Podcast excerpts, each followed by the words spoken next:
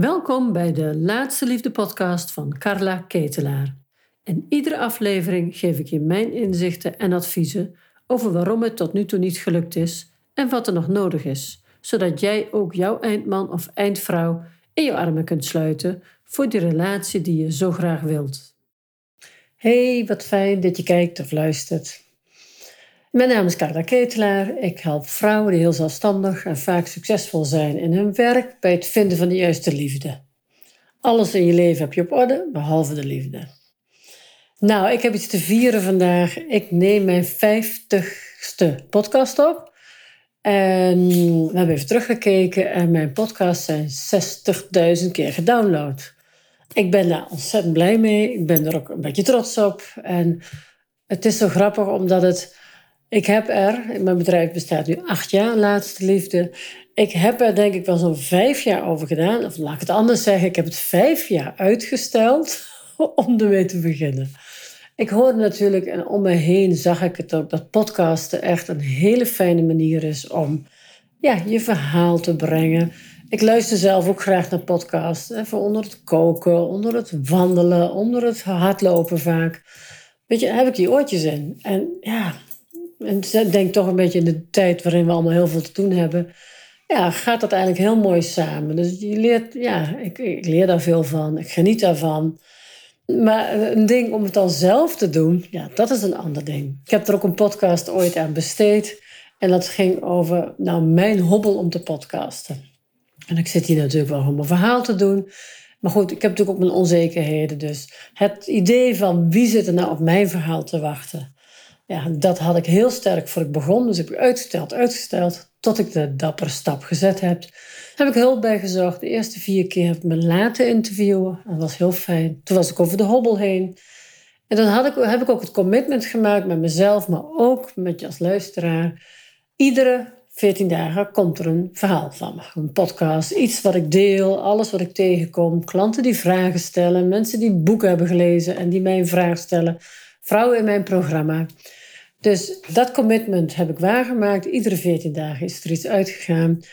En je snapt natuurlijk wel dat in het teken van wie zit er nou op mijn verhaal te wachten, ik was zo flabbergasted dat mijn podcast meer dan 60.000 keer gedownload is. 1100 keer per aflevering. Helemaal blij mee. Uh, deze podcast ga ik eventjes terugkijken naar de twee afleveringen die het meest beluisterd zijn. Dat is 30 en 37. De ene gaat over alles over de karaktereigenschappen en nou, hoe je daar nu kunt afleiden wanneer het een goede relatie is. En hoe herken ik nou een volwassen relatie? De eerste is, dat gaat echt over de zes eigenschappen. En die zes eigenschappen zijn cruciaal in de relatie.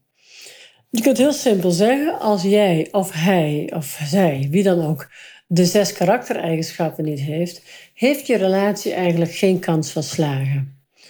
En vaak kun je, we kunnen onszelf nog ontwikkelen. Een van de karaktereigenschappen is zelfvertrouwen. Nou, daar kan je groeien. Je kunt volwassener worden. Er zijn allemaal manieren waarin je dus je karaktereigenschappen nog aan kunt werken. Maar het is een innerlijke beslissing. Als jij besluit, mijn zelfvertrouwen, daar wil ik aan werken. Of uh, wat is er nog meer? Mijn zelfreflectie, mijn emotionele openheid. Ik wil nog groeien in mezelf dan is dat jouw innerlijke beslissing en ga je er stappen in zetten. Ga je hulp zoeken, waar dan ook. Je kunt daarin groeien. Maar kom je nou iemand tegen waarbij je voelt, ja, die, die, eh, die zes eigenschappen, ik weet niet helemaal of die ze wel heeft. En stel dat je constateert dat hij ze niet heeft, ja, dan is dus de vraag: ga jij wachten tot iemand dat gaat ontwikkelen? Ga jij uh, eraan knutselen? Ga je je best doen om te kijken hoe hij dat dan wel kan ontwikkelen? En ik zeg altijd, doe dat maar niet. Doe maar gewoon niet. Want we kunnen een ander niet veranderen. Je hebt een intrinsieke, dus een innerlijke motivatie nodig om echt te veranderen, om te groeien. Nou, ik zal ze nog even noemen, de eigenschappen. Eh, de eerste eigenschap is zelfreflectie. Dus kun je een beetje naar jezelf kijken? kun je reflecteren op je eigen gedrag. Dat heb je nodig in een gezonde relatie. dat als je in een relatie zit, dat je zegt, jeetje, hoe, kwam, hoe kregen we nou toch dat conflict? Of Ja, wat gebeurt er toch altijd als ik het over mijn, mijn, zus of mijn broer heb of wat dan ook? dat je elkaar bevraagt en dat de ander kan zeggen: joh, als ik dat over moest doen, zou ik het anders doen. Het zijn allemaal zelfreflectie, ja, signalen. De tweede eigenschap is emotionele openheid. En emotionele openheid is in iedere relatie een noodzakelijkheid. En dan heb ik het over een relatie waarin je verbindt met de ander. Dat is met vriendschappen, dat is met je kinderen, dat is met je, hopelijk met je familie, uh, met vriendinnen en vrienden. Dus dat is het delen van gevoelens en emoties, is wat een contact boeiend maakt. De verbinding van hart tot hart. Daar is een goede relatie op gebaseerd. Nou, en dat is natuurlijk ook zo in een liefdesrelatie. Daarin is emotionele openheid noodzakelijk. Je kunt er met collega's of vrienden nog wel eens langslopen of, of ja, langs oplopen, zeg maar.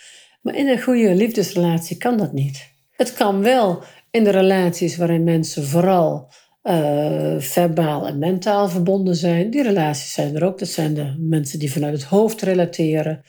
Is prima. Het is niet mijn idee van een liefdevolle, uh, verbindende relatie. Dat zit toch echt wel in het hart. Dat is vanuit het hart verbind je je. Dat is de emotionele openheid. Dus durf je iets over jezelf te delen wat je van binnen voelt. En durf de ander dat ook. En durf je daar met elkaar over te hebben. Cruciaal voor de basis van een gezonde relatie. De derde eigenschap is eerlijkheid, integriteit. Dus ben je, ben je eerlijk? Durf je, ben je transparant? Of weet je, ik zeg altijd een beetje eerlijk bestaat niet. Dat is die vage grens. Als je hier een beetje ermee sjoemelt, waarom zou je er daar niet mee sjoemelen? Dus ga voor transparantie en eerlijkheid. Wees dat zelf en dan kan je het ook van een ander verwachten. Uh, wat ik heel vaak zie is dat kwetsbaarheid en uh, vertrouwen. Ja, je kunt niet kwetsbaar zijn als je de ander niet 100% kunt vertrouwen. Dus, en ik denk dat een gezonde relatie kwetsbaarheid nodig heeft. Dus die zachtheid, dat overgave, uh, je overgeven aan de verbinding. En dat kan alleen maar als je de ander echt kunt vertrouwen. De vierde eigenschap is zelfvertrouwen. Dus heb je een bepaalde mate van plezier in je leven, ben je tevreden met wat je doet, ben je grotendeels tevreden met wie je bent. En dat hoeft niet 100% te zijn. Niemand hoeft een 10 te scoren op zelfvertrouwen. Maar ben je, uh, heb je een bepaalde tevredenheid met jezelf? Ik zeg altijd, en dat blijf ik ook herhalen, we hoeven niet af te zijn voor, om een gezonde relatie te hebben. Maar we hebben wel een bepaalde basis nodig van, ja, soort draagkracht van, heb je jezelf gevuld met je vertrouwen? Of moet een ander jou constant bevestigen, zodat jij je goed voelt? Dan zit je te laag met je zelfvertrouwen.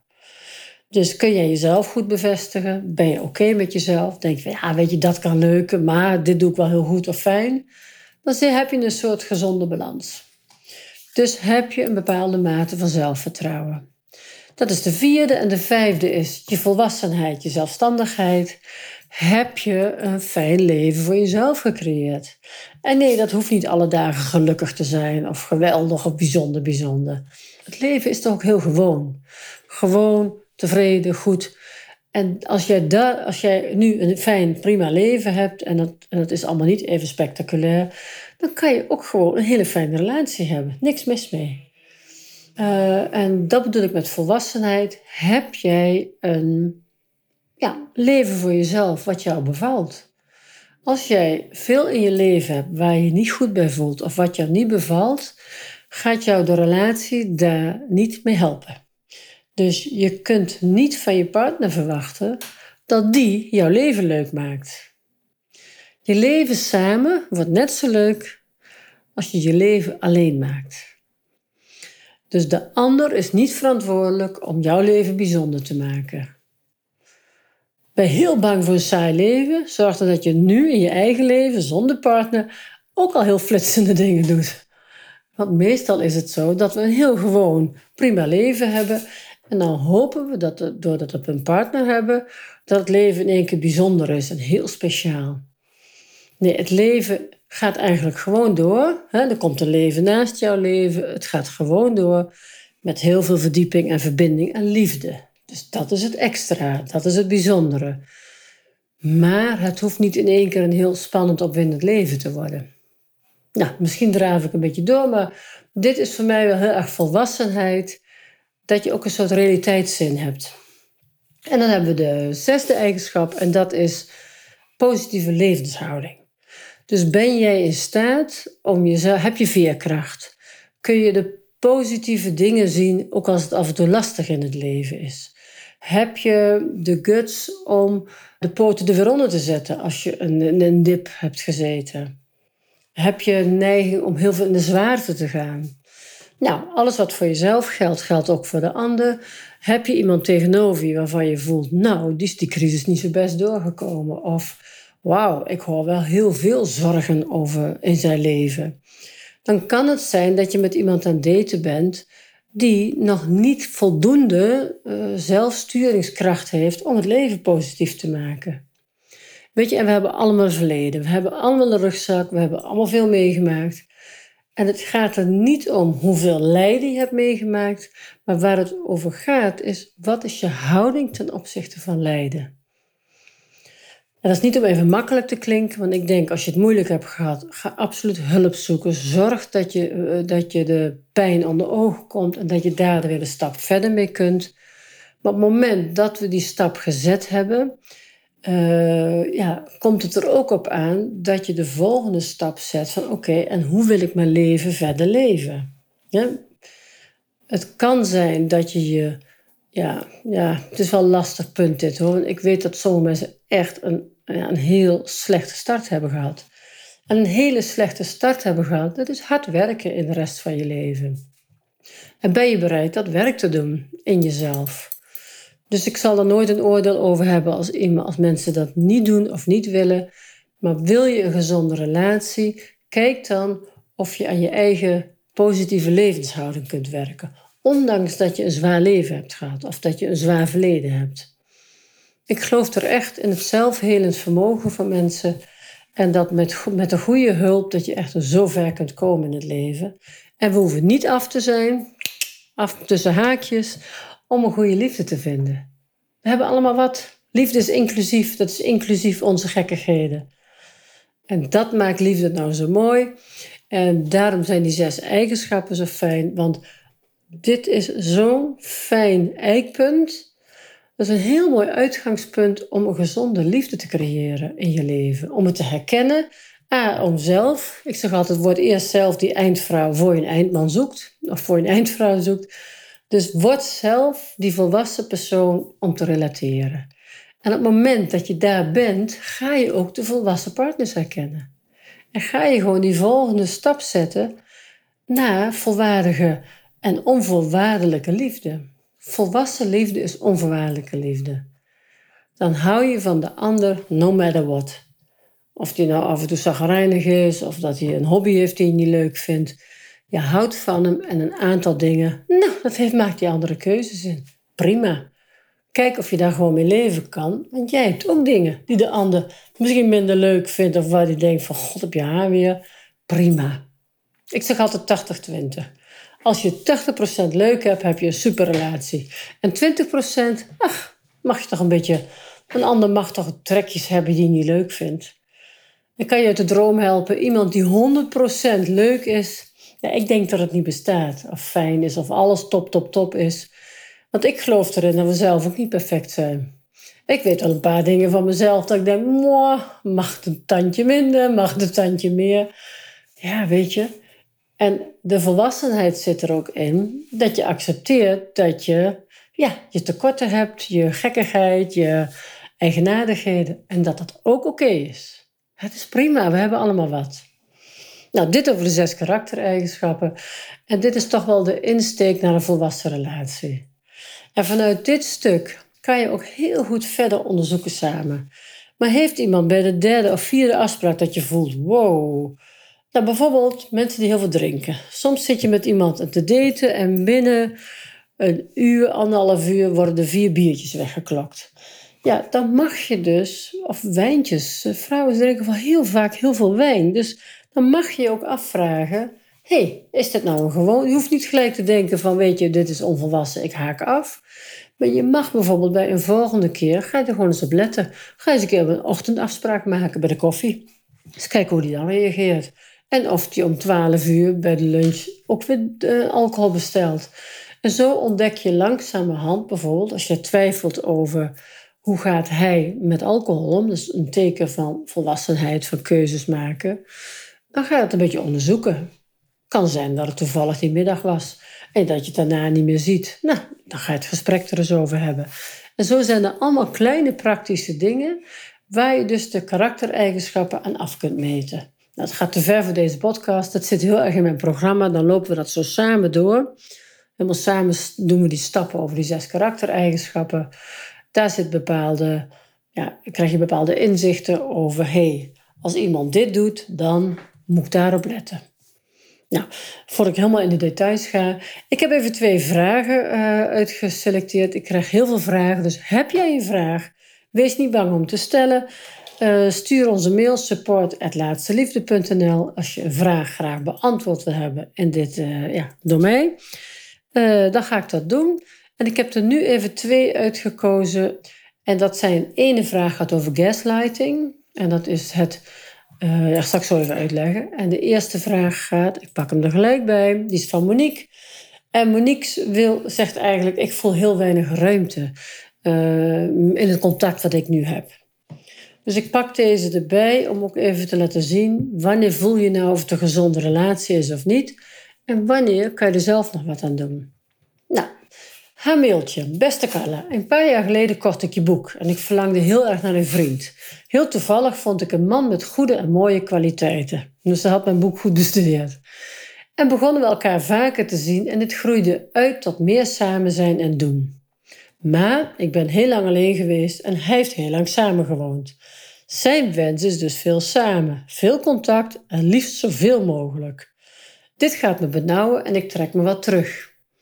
Eigenlijk ben ik bang dat hij er onzeker van wordt als ik open en eerlijk zeg dat ik meer ruimte wil.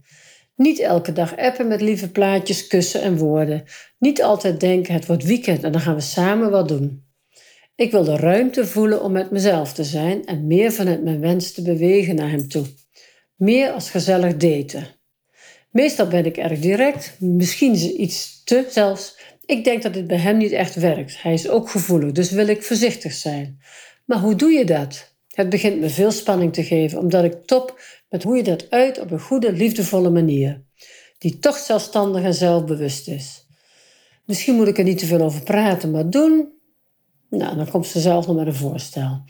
Nou, ik vind het een heel mooi, uh, hele mooie vraag. Ja, dit is, die, in, deze, in dit verhaaltje zitten al een aantal eigenschappen die zij verder kan ontwikkelen. De eerste is zelfreflectie. Zij doet hier een aantal aannames. Zij, zij eh, uit een aantal aannames over hem, die zij zo beleeft, maar ze heeft het hem nooit gevraagd. Zij is daar, dat gaat dan een eigen leven leiden. Hij wil heel veel samen doen. Dat is hoe hij het gewend is. De vraag is of hij dat werkelijk wil of dat hij het vanuit de gewoonte doet. Dan heb je dus, dat, dus dat gaat over zelfreflectie, emotionele openheid. Zij voelt heel veel, maar ze uit het niet. Ze spreekt, bespreekt het niet met hem. Want ze is bang dat ze te is, te direct, te scherp enzovoort. En daar hebben we het eigenlijk over de emotionele openheid, maar ook over zelfvertrouwen. We kunnen heel veel zelfvertrouwen uitstralen in het leven, uh, heel goed als zijn op ons werk, en toch in de liefde en met mannen gewoon knetter onzeker zijn. Of mannen met vrouwen ook gewoon onzeker zijn. Van hoe doe je dat nou? En wat zeg je dan wel en wat zeg je dat niet? Dat zeg je dan niet. Dat is een soort uh, zelfvertrouwen. Is niet standaard op alle gebieden dan helemaal tip-top. In de liefde kun je heel onzeker zijn. Kun je soms een klein kind voelen, een hunkerend meisje of een hunkerende jongen die heel veel bevestiging zoekt. En dat klopt ook, want uh, we hebben verschillende thema's in het leven. De is heel goed op het werk, en de andere is, uh, is heel goed met kinderen, en de derde is heel goed in de liefde. Maar anderen zijn het weer minder.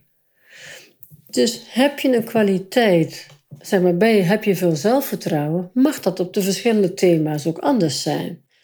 Deze vrouw is een zelfstandige vrouw, maar is in de liefde eigenlijk heel onzeker. Uh, en wat er ook in zit, is nog, ze kan nog groeien in volwassenheid en zelfstandigheid. Want waar ze haar volwassenen heel erg voor nodig heeft, is om te onderzoeken wat is nu werkelijk mijn behoefte. Haar behoefte is me-time. Ik wil lekker ook op mezelf zijn. Ik wil niet altijd samen. Haar angst voor samen, wat ik tussen de regels door hoor, is angst voor versmelting, dat ze overroeld wordt, dat ze altijd samen alles moet doen. Dus wat zij nodig heeft, is de volwassene die de grenzen geeft in haarzelf. Nou, en hoe je, hoe je dat doet, is dat je dat kunt ontwikkelen in jezelf. Dat je weer gaat onderzoeken, wat is mijn behoefte? En zij kent haar behoefte wel, maar ze durft hem niet uit te spreken. Dus wat is mijn behoefte? Haar behoefte is, ik wil ruimte voor mezelf. Ze durft het niet te zeggen omdat ze bang is dat hij zich afgewezen voelt. Dat is een interpretatie van, een aanname die ze niet getest heeft. En mijn ervaring is dat als jij met ik-boodschappen communiceert, dus echt uit van je ik wat jouw behoefte is, dat een ander daar bijna nooit wat van vindt. Ik heb er zo'n behoefte aan. Ik laat zo lekker op als ik een hele middag alleen ben. Als ik twee dagen lekker in mijn eentje ben. Rommelen in mijn huis. Lekker in de hangmat. Heerlijk vind ik dat. Dus kom dan donderdag in plaats van dinsdag. Bijvoorbeeld, ik roep maar wat. Dat is heel wat anders dan zeggen: ja, ik wil dat wij meer alleen zijn. Ik wil graag minder, uh, minder samen zijn. Dus benoem vanuit je behoeftes wat je wel wilt. In plaats van dat je benoemt wat je allemaal niet wilt.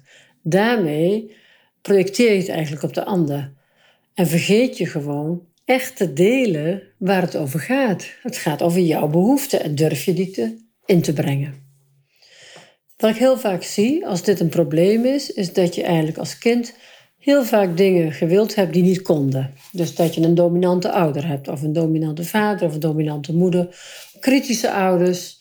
Nou, er zijn allerlei dingen in het uh, systeem van herkomst, in het gezin waarin je geboren bent, die jouw houding nu bepaald hebben. En niet dat we allemaal terug moeten naar de gevroeten naar het verleden, maar wat, wel, wat vaak wel heel inzichtelijk maakt. Hoe werd er thuis met mij gecommuniceerd? Het kan zomaar zijn dat Monique, die deze vraag stelt, een moeder heeft gehad die, niet, die zich ook niet durfde uitspreken. Of een vader die altijd stil was en waarbij de moeder dominant was. Dus dan krijg je een voorbeeld of dat een van de ouders uh, agressief was in de bewoordingen of letterlijk agressief. En dan krijg je als kind de boodschap: echt zeggen wat je wilt en vindt is gevaarlijk. Want daar krijg je ruzie van of nog erger. Er zit altijd een heel verhaal achter waarom wij handelen in relaties zoals we handelen. Even terug naar Monique. Dus wat zij kan gaan doen, is dat ze eerst eens even gaat voelen: wat wil ik nou echt? Hoeveel dagen heb ik nodig? Hoeveel periodes heb ik? Ja, hoeveel me-time heb ik nodig? Wat wil ik graag zelf doen? Maar ook, wat wil ik graag met hem samen doen?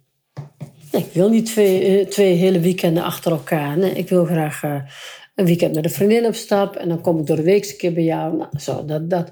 Niet al het vaststaande, dat is wat ik hoor bij de. Maar durft ze dat? Ze zeggen. Dus HAVO, en, en nu gaat dat heel veel spanning opleveren. En waarom het zo spannend is, is dat het allemaal van binnen gebeurt. Ze brengt het niet naar buiten, omdat ze aanneemt dat de ander daar mogelijk pijn van heeft. Dus ze is de ander aan het beschermen aan het pleasen, geen ruzie maken, niet moeilijk doen. En in dat pleasen en beschermen van de ander verloochent ze zichzelf. Dus is haar eigen behoefte wordt op het tweede plan gezet. Dus dit is volwassenheid. Jezelf op nummer 1 zetten. Afstemmen. Wat is nou wat, ik, wat voel ik? Wat is voor mij belangrijk? Het is niet egocentrisch. Dat is onze heilige plicht aan onszelf om onszelf als uitgangspunt te nemen, want wij zijn het middelpunt van ons eigen leven. En als we dit goed kunnen voelen en, en verwoorden, ja, dan worden we een betrouwbare bron in, in onze omgeving. Dan weten mensen, ja, met haar weet ik waar ik aan toe ben. Ja, haar kan je vertrouwen. Wat ze zegt, dat, dat, daar heeft ze over nagedacht, dat, dat klopt. Als ik ja zeg, ik heb tijd voor jou, of ja, kom gezellig, dan heb ik tijd. Anders zeg ik, nee, het komt me niet uit. Dus wees een betrouwbare persoon, A voor jezelf, dan word je het ook voor anderen. En dit is in een relatie niet anders. Je mag je grenzen geven, maar doe dat vriendelijk. Geef aan wat je fijn vindt aan de ander en dan ga je vertellen, hey, weet je wat ik nou zo fijn vind? Nou, en dan noem je jouw behoeftes op. En die ga je invullen. En dan ga je erover hebben met elkaar. Dan kan je zeggen, nou, wat zou jij nou het liefste willen? En dan zegt hij, ja, de hele week samen. Nou, en dan ga je het erover hebben. welke behoefte wordt dan vervuld van jou? wat, wat vind zo fijn aan alles samen doen? Nou, ga het gesprek aan samen. Maar dan is de spanning eruit, want je bent er met, het stroomt, je bent er met elkaar over in gesprek. En de meeste gesprekken in relaties zijn vaker nodig. Het is een soort ontwikkeling. Je bespreekt een stukje en dan zeg je, weet je, laten we het er over een paar weken nog eens over hebben. Of uh, laten we het morgen er nog eens over hebben. En dan heb je tijd om een beetje te verwerken. En langzamerhand kom je uiteindelijk ergens bij elkaar uit waar het voor beide goed voelt. Dat is volwassenheid. Volwassen relateren. Nou, ik zit helemaal op de praatstoel. Geef me een liefdesprobleem en ik uh, praat zo'n half uur vol. Heb ik er nog eentje, want volgens mij ben ik alweer de hele tijd aan het praten. Uh, dit is iemand die heeft het over gaslighting. En ik hoor het steeds vaker, of ik hoor het regelmatig. En ik ga het even uh, kijken. Johanna heeft me deze vraag gesteld. En dit is de tweede uh, tweede voorbeeld van een ongezond, een ongezond contact. Of in ieder geval van een contact waar je, in, waar je dus heel duidelijk kunt zien welke karaktereigenschappen er niet aanwezig zijn. Nou, gaslighting is eigenlijk een vorm van emotionele manipulatie. Een gaslighter die voedt, hè, voedt zijn zelfvertrouwen door de waarheid gewoon te verdraaien. En daarmee mensen op zijn hand of zijn of haar hand te krijgen. En je gaat namelijk twijfel zaaien. Hè? Dan krijg je echt dat je als partner denkt: hè, ben ik nou gek? Heb ik dat nog niet goed gehoord? En, en als, als slachtoffer, zeg maar, als persoon die dat heeft, ben ik nog gek, word je ook steeds emotioneel afhankelijker van die persoon, van die gaslighter, zeg maar. En die persoon gaat het steeds belangrijker voelen. Nou, Johanna stelt me er een vraag over. Ik vind het zo ingewikkeld omdat de ander namelijk zoveel kan verbloemen. En dat je dan, hè, dan draait je er een beetje omheen, dan legt hij het uit. En dan denk je, ja, natuurlijk kan dat ook. Dus het gedrag wordt telkens vergoeilijkt of uitgelegd, ook al is het vreemd gedrag. Het zijn hele kleine dingen die gebeuren waar anderen geen weet van hebben, waardoor ik aan mezelf ga twijfelen. En waarvan ik opnieuw weer denk, deze kleine dingen zijn misschien ook niet zo belangrijk.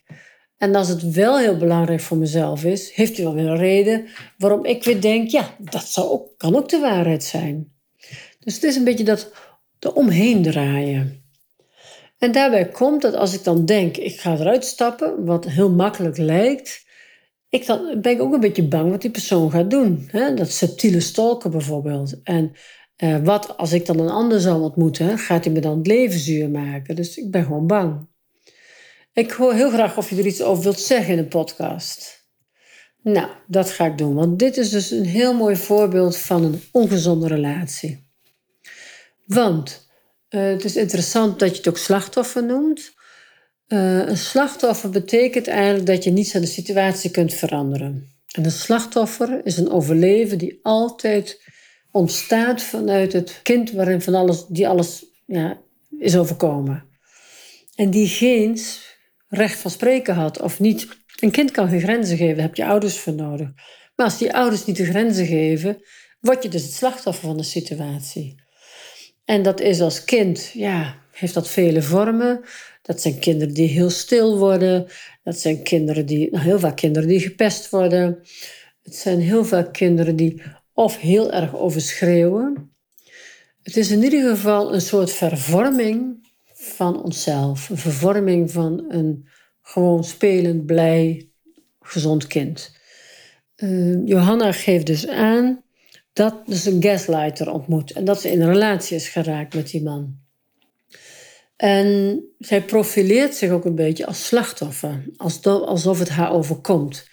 Maar gaslighting heeft alleen effect bij mensen die een soort innerlijk tekort hebben. En een innerlijk tekort, daar bedoel ik mee nog een leegte, nog een van de zes eigenschappen niet op orde of meerdere eigenschappen niet, waardoor je gewoon kwetsbaar bent. Als je heel weinig zelfvertrouwen hebt of je kent jezelf slecht, zelfreflectie, Of je kunt je heel moeilijk uitdrukken in wat jij belangrijk vindt. Of je vindt het leven zwaar, hè? je bent nog niet in die positieve flow. Dan ben je gewoon heel kwetsbaar. En dan is die ander, die geeft jou dan, allemaal, hè, in het begin word je natuurlijk versierd en je bent geweldig en je voelt je, het is te mooi om waar te zijn. Nou, je voelt je helemaal uh, de prinses. En dat is dus uh, voedsel in dat innerlijke lege tekort. In dat, in dat innerlijke lege hart, zeg maar. En dat sluit naadloos aan op de pijn die er zit van dat kind wat niet gezien is, kind is niet gehoord enzovoort. Dus je bent geen slachtoffer, maar je hebt werk te doen op je innerlijke deel. Als je je werk doet en je wordt die volwassen vrouw, ga je die gaslighting gelijk herkennen. Dan ga je dat niet meer instappen. En niet van God, je hebt het fout gedaan, maar ga alsnog stappen zetten om in dat bewustzijn te komen. Om in die helderheid voor jezelf te komen. Waarom ben ik, waarom stap ik hierin? Waarom stap ik in deze ongezonde relatie? Want wat doet de gaslighter? Dat is iemand die emotioneel manipuleert. Een emotionele manipulatieve persoon heeft geen zelfreflectie, is emotioneel niet open, heeft weinig zelfvertrouwen, dus allemaal emotionele onzekerheid.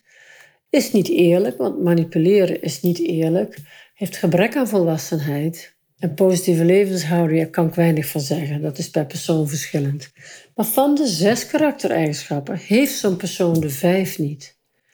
En waar ik op blijf hameren, ga bekend worden met die vijf eigenschappen. Ga er iets mee doen. Ga het onderzoeken, zodat je het in jezelf ontwikkelt, maar ook direct veel sneller gaat herkennen bij de ander. Ik denk dat gaslighting, narcistische partners, al dat soort uh, zware uh, manipulatieve relaties, dat die gewoon niet hoeven als je goed in je eigen eigenschappen zit. Dit kan alleen plaatsvinden bij mannen en vrouwen die een deel van hun zelfvertrouwen uh, kwijt zijn of nooit ontwikkeld hebben. Die gewoon niet gewend zijn om grenzen te geven. Dat je geen voorbeeld hebt gehad, dat je uit een dysfunctioneel gezin komt waarbij dat niet voorgedaan werd, waar grenzen overschreden werden. Dus er is in het grenzenverhaal iets niet ontstaan, waardoor je niet geleerd hebt een gezonde grens te geven. Maar dat is niet erg, want je kan het in je volwassen leven alsnog leren. Ik was zelf 32, ik had al kinderen en ik ging in therapie en ik moest het helemaal leren wat een gezonde grens is. Want ik gaf mijn kinderen ook, ik was of heel streng of ik was heel, eh, ja, ik verwende ze zeg maar, daar ergens zat het tussenin. Ik had ook zelf de maat niet voor dingen. Ik uh, ja, kon dagen televisie kijken of ik kon heel veel uh, snoepen. Ik heb heel veel, heel veel gesnoept in mijn leven, omdat het ook een soort ik kon die maat niet houden. Veel te laat naar bed gaan. Ehm, dus alles was dan te. Dus die grenzen moesten helemaal, die moest ik nog helemaal onderzoeken. Ik had dat niet van huis meegekregen. We werden een beetje, uh, ik was de jongste. Ik werd vanzelf wel groot. Op zich een liefdevol gezin. Maar grenzen, daar werd weinig aan gedaan. Dus dat heb ik helemaal zelf moeten uitvogelen. Nou, dat ging natuurlijk drastisch mis. Dan komen de kinderen en dan kom je dat tegen van hier moet wel iets gebeuren. En ik ging in therapie na de scheiding. Daar heb ik het op ja, begin 30 alsnog geleerd. En het mooie is dat dat gewoon prima kan. Je kunt in je volwassen leven alsnog die grenzen gaan voelen, alsnog die grenzen gaan geven. En daardoor voorkom je ongezonde relaties. Nou, ik uh, ga anders nog heel lang door. Ik ga hem afronden. Ik ben heel blij dat ik mijn verhaal met jou kan delen en dat je er open voor staat en dat je geïnteresseerd bent. Ik ga door. Iedere 14 dagen zal ik een mooie podcast maken met vragen die ik krijg, met dingen die ik zelf meemaak, met de dingen die ik met de vrouwen meemaak in mijn programma. Want mijn missie is dat er zoveel mogelijk mensen de liefde vinden in het leven. Hoe heerlijk is het als ik zie hoe, hoe, hoe fijn mijn leven nu is. Met mijn geliefde, met mijn man, met mijn. Ja. En ik zie hoeveel vrouwen dus nu ook deze toegang hebben tot liefde, omdat we een aantal dingen in ons hoofd anders. We gaan een andere mindshift. En dat anders denken over de liefde, het wat gewoner maken, het dichterbij halen, Dat is wat ik wil. Ik wil zoveel mogelijk mensen, ja, ik gun zoveel mogelijk mensen de liefde. Ik leven wat er anders door. Nou, dit blijf ik dus doen. Ik hoop dat je niet opgeeft in de liefde. Dat je door blijft gaan. Werk aan jezelf. Word wakker in wat je, waar je zit met relaties. En uh, tot de volgende podcast. Dag. Voel je geïnspireerd door wat ik vertelde? En voel jij langzamerhand ook weer jouw verlangen? Dat je het eigenlijk ook heel erg graag zou willen. En ik weet dat het bestaat. Ik help vrouwen er dagelijks mee. Ik zie mooie liefdes ontstaan. En als jij nu voelt, ja, misschien wil ik ook wel ja, geholpen worden, of misschien moet ik toch maar eens gaan onderzoeken of ik zelf wat stappen kan zetten. Ik vertel je er heel graag over. Ik doe dat in een gratis webinar. Daarvoor kun je je opgeven via mijn website laatsteliefde.nl. Kijk je bij gratis en dan zie je inschrijven webinar staan. Want geef niet op in de liefde. Het bestaat wel. Ook voor jou. Ik zie je graag.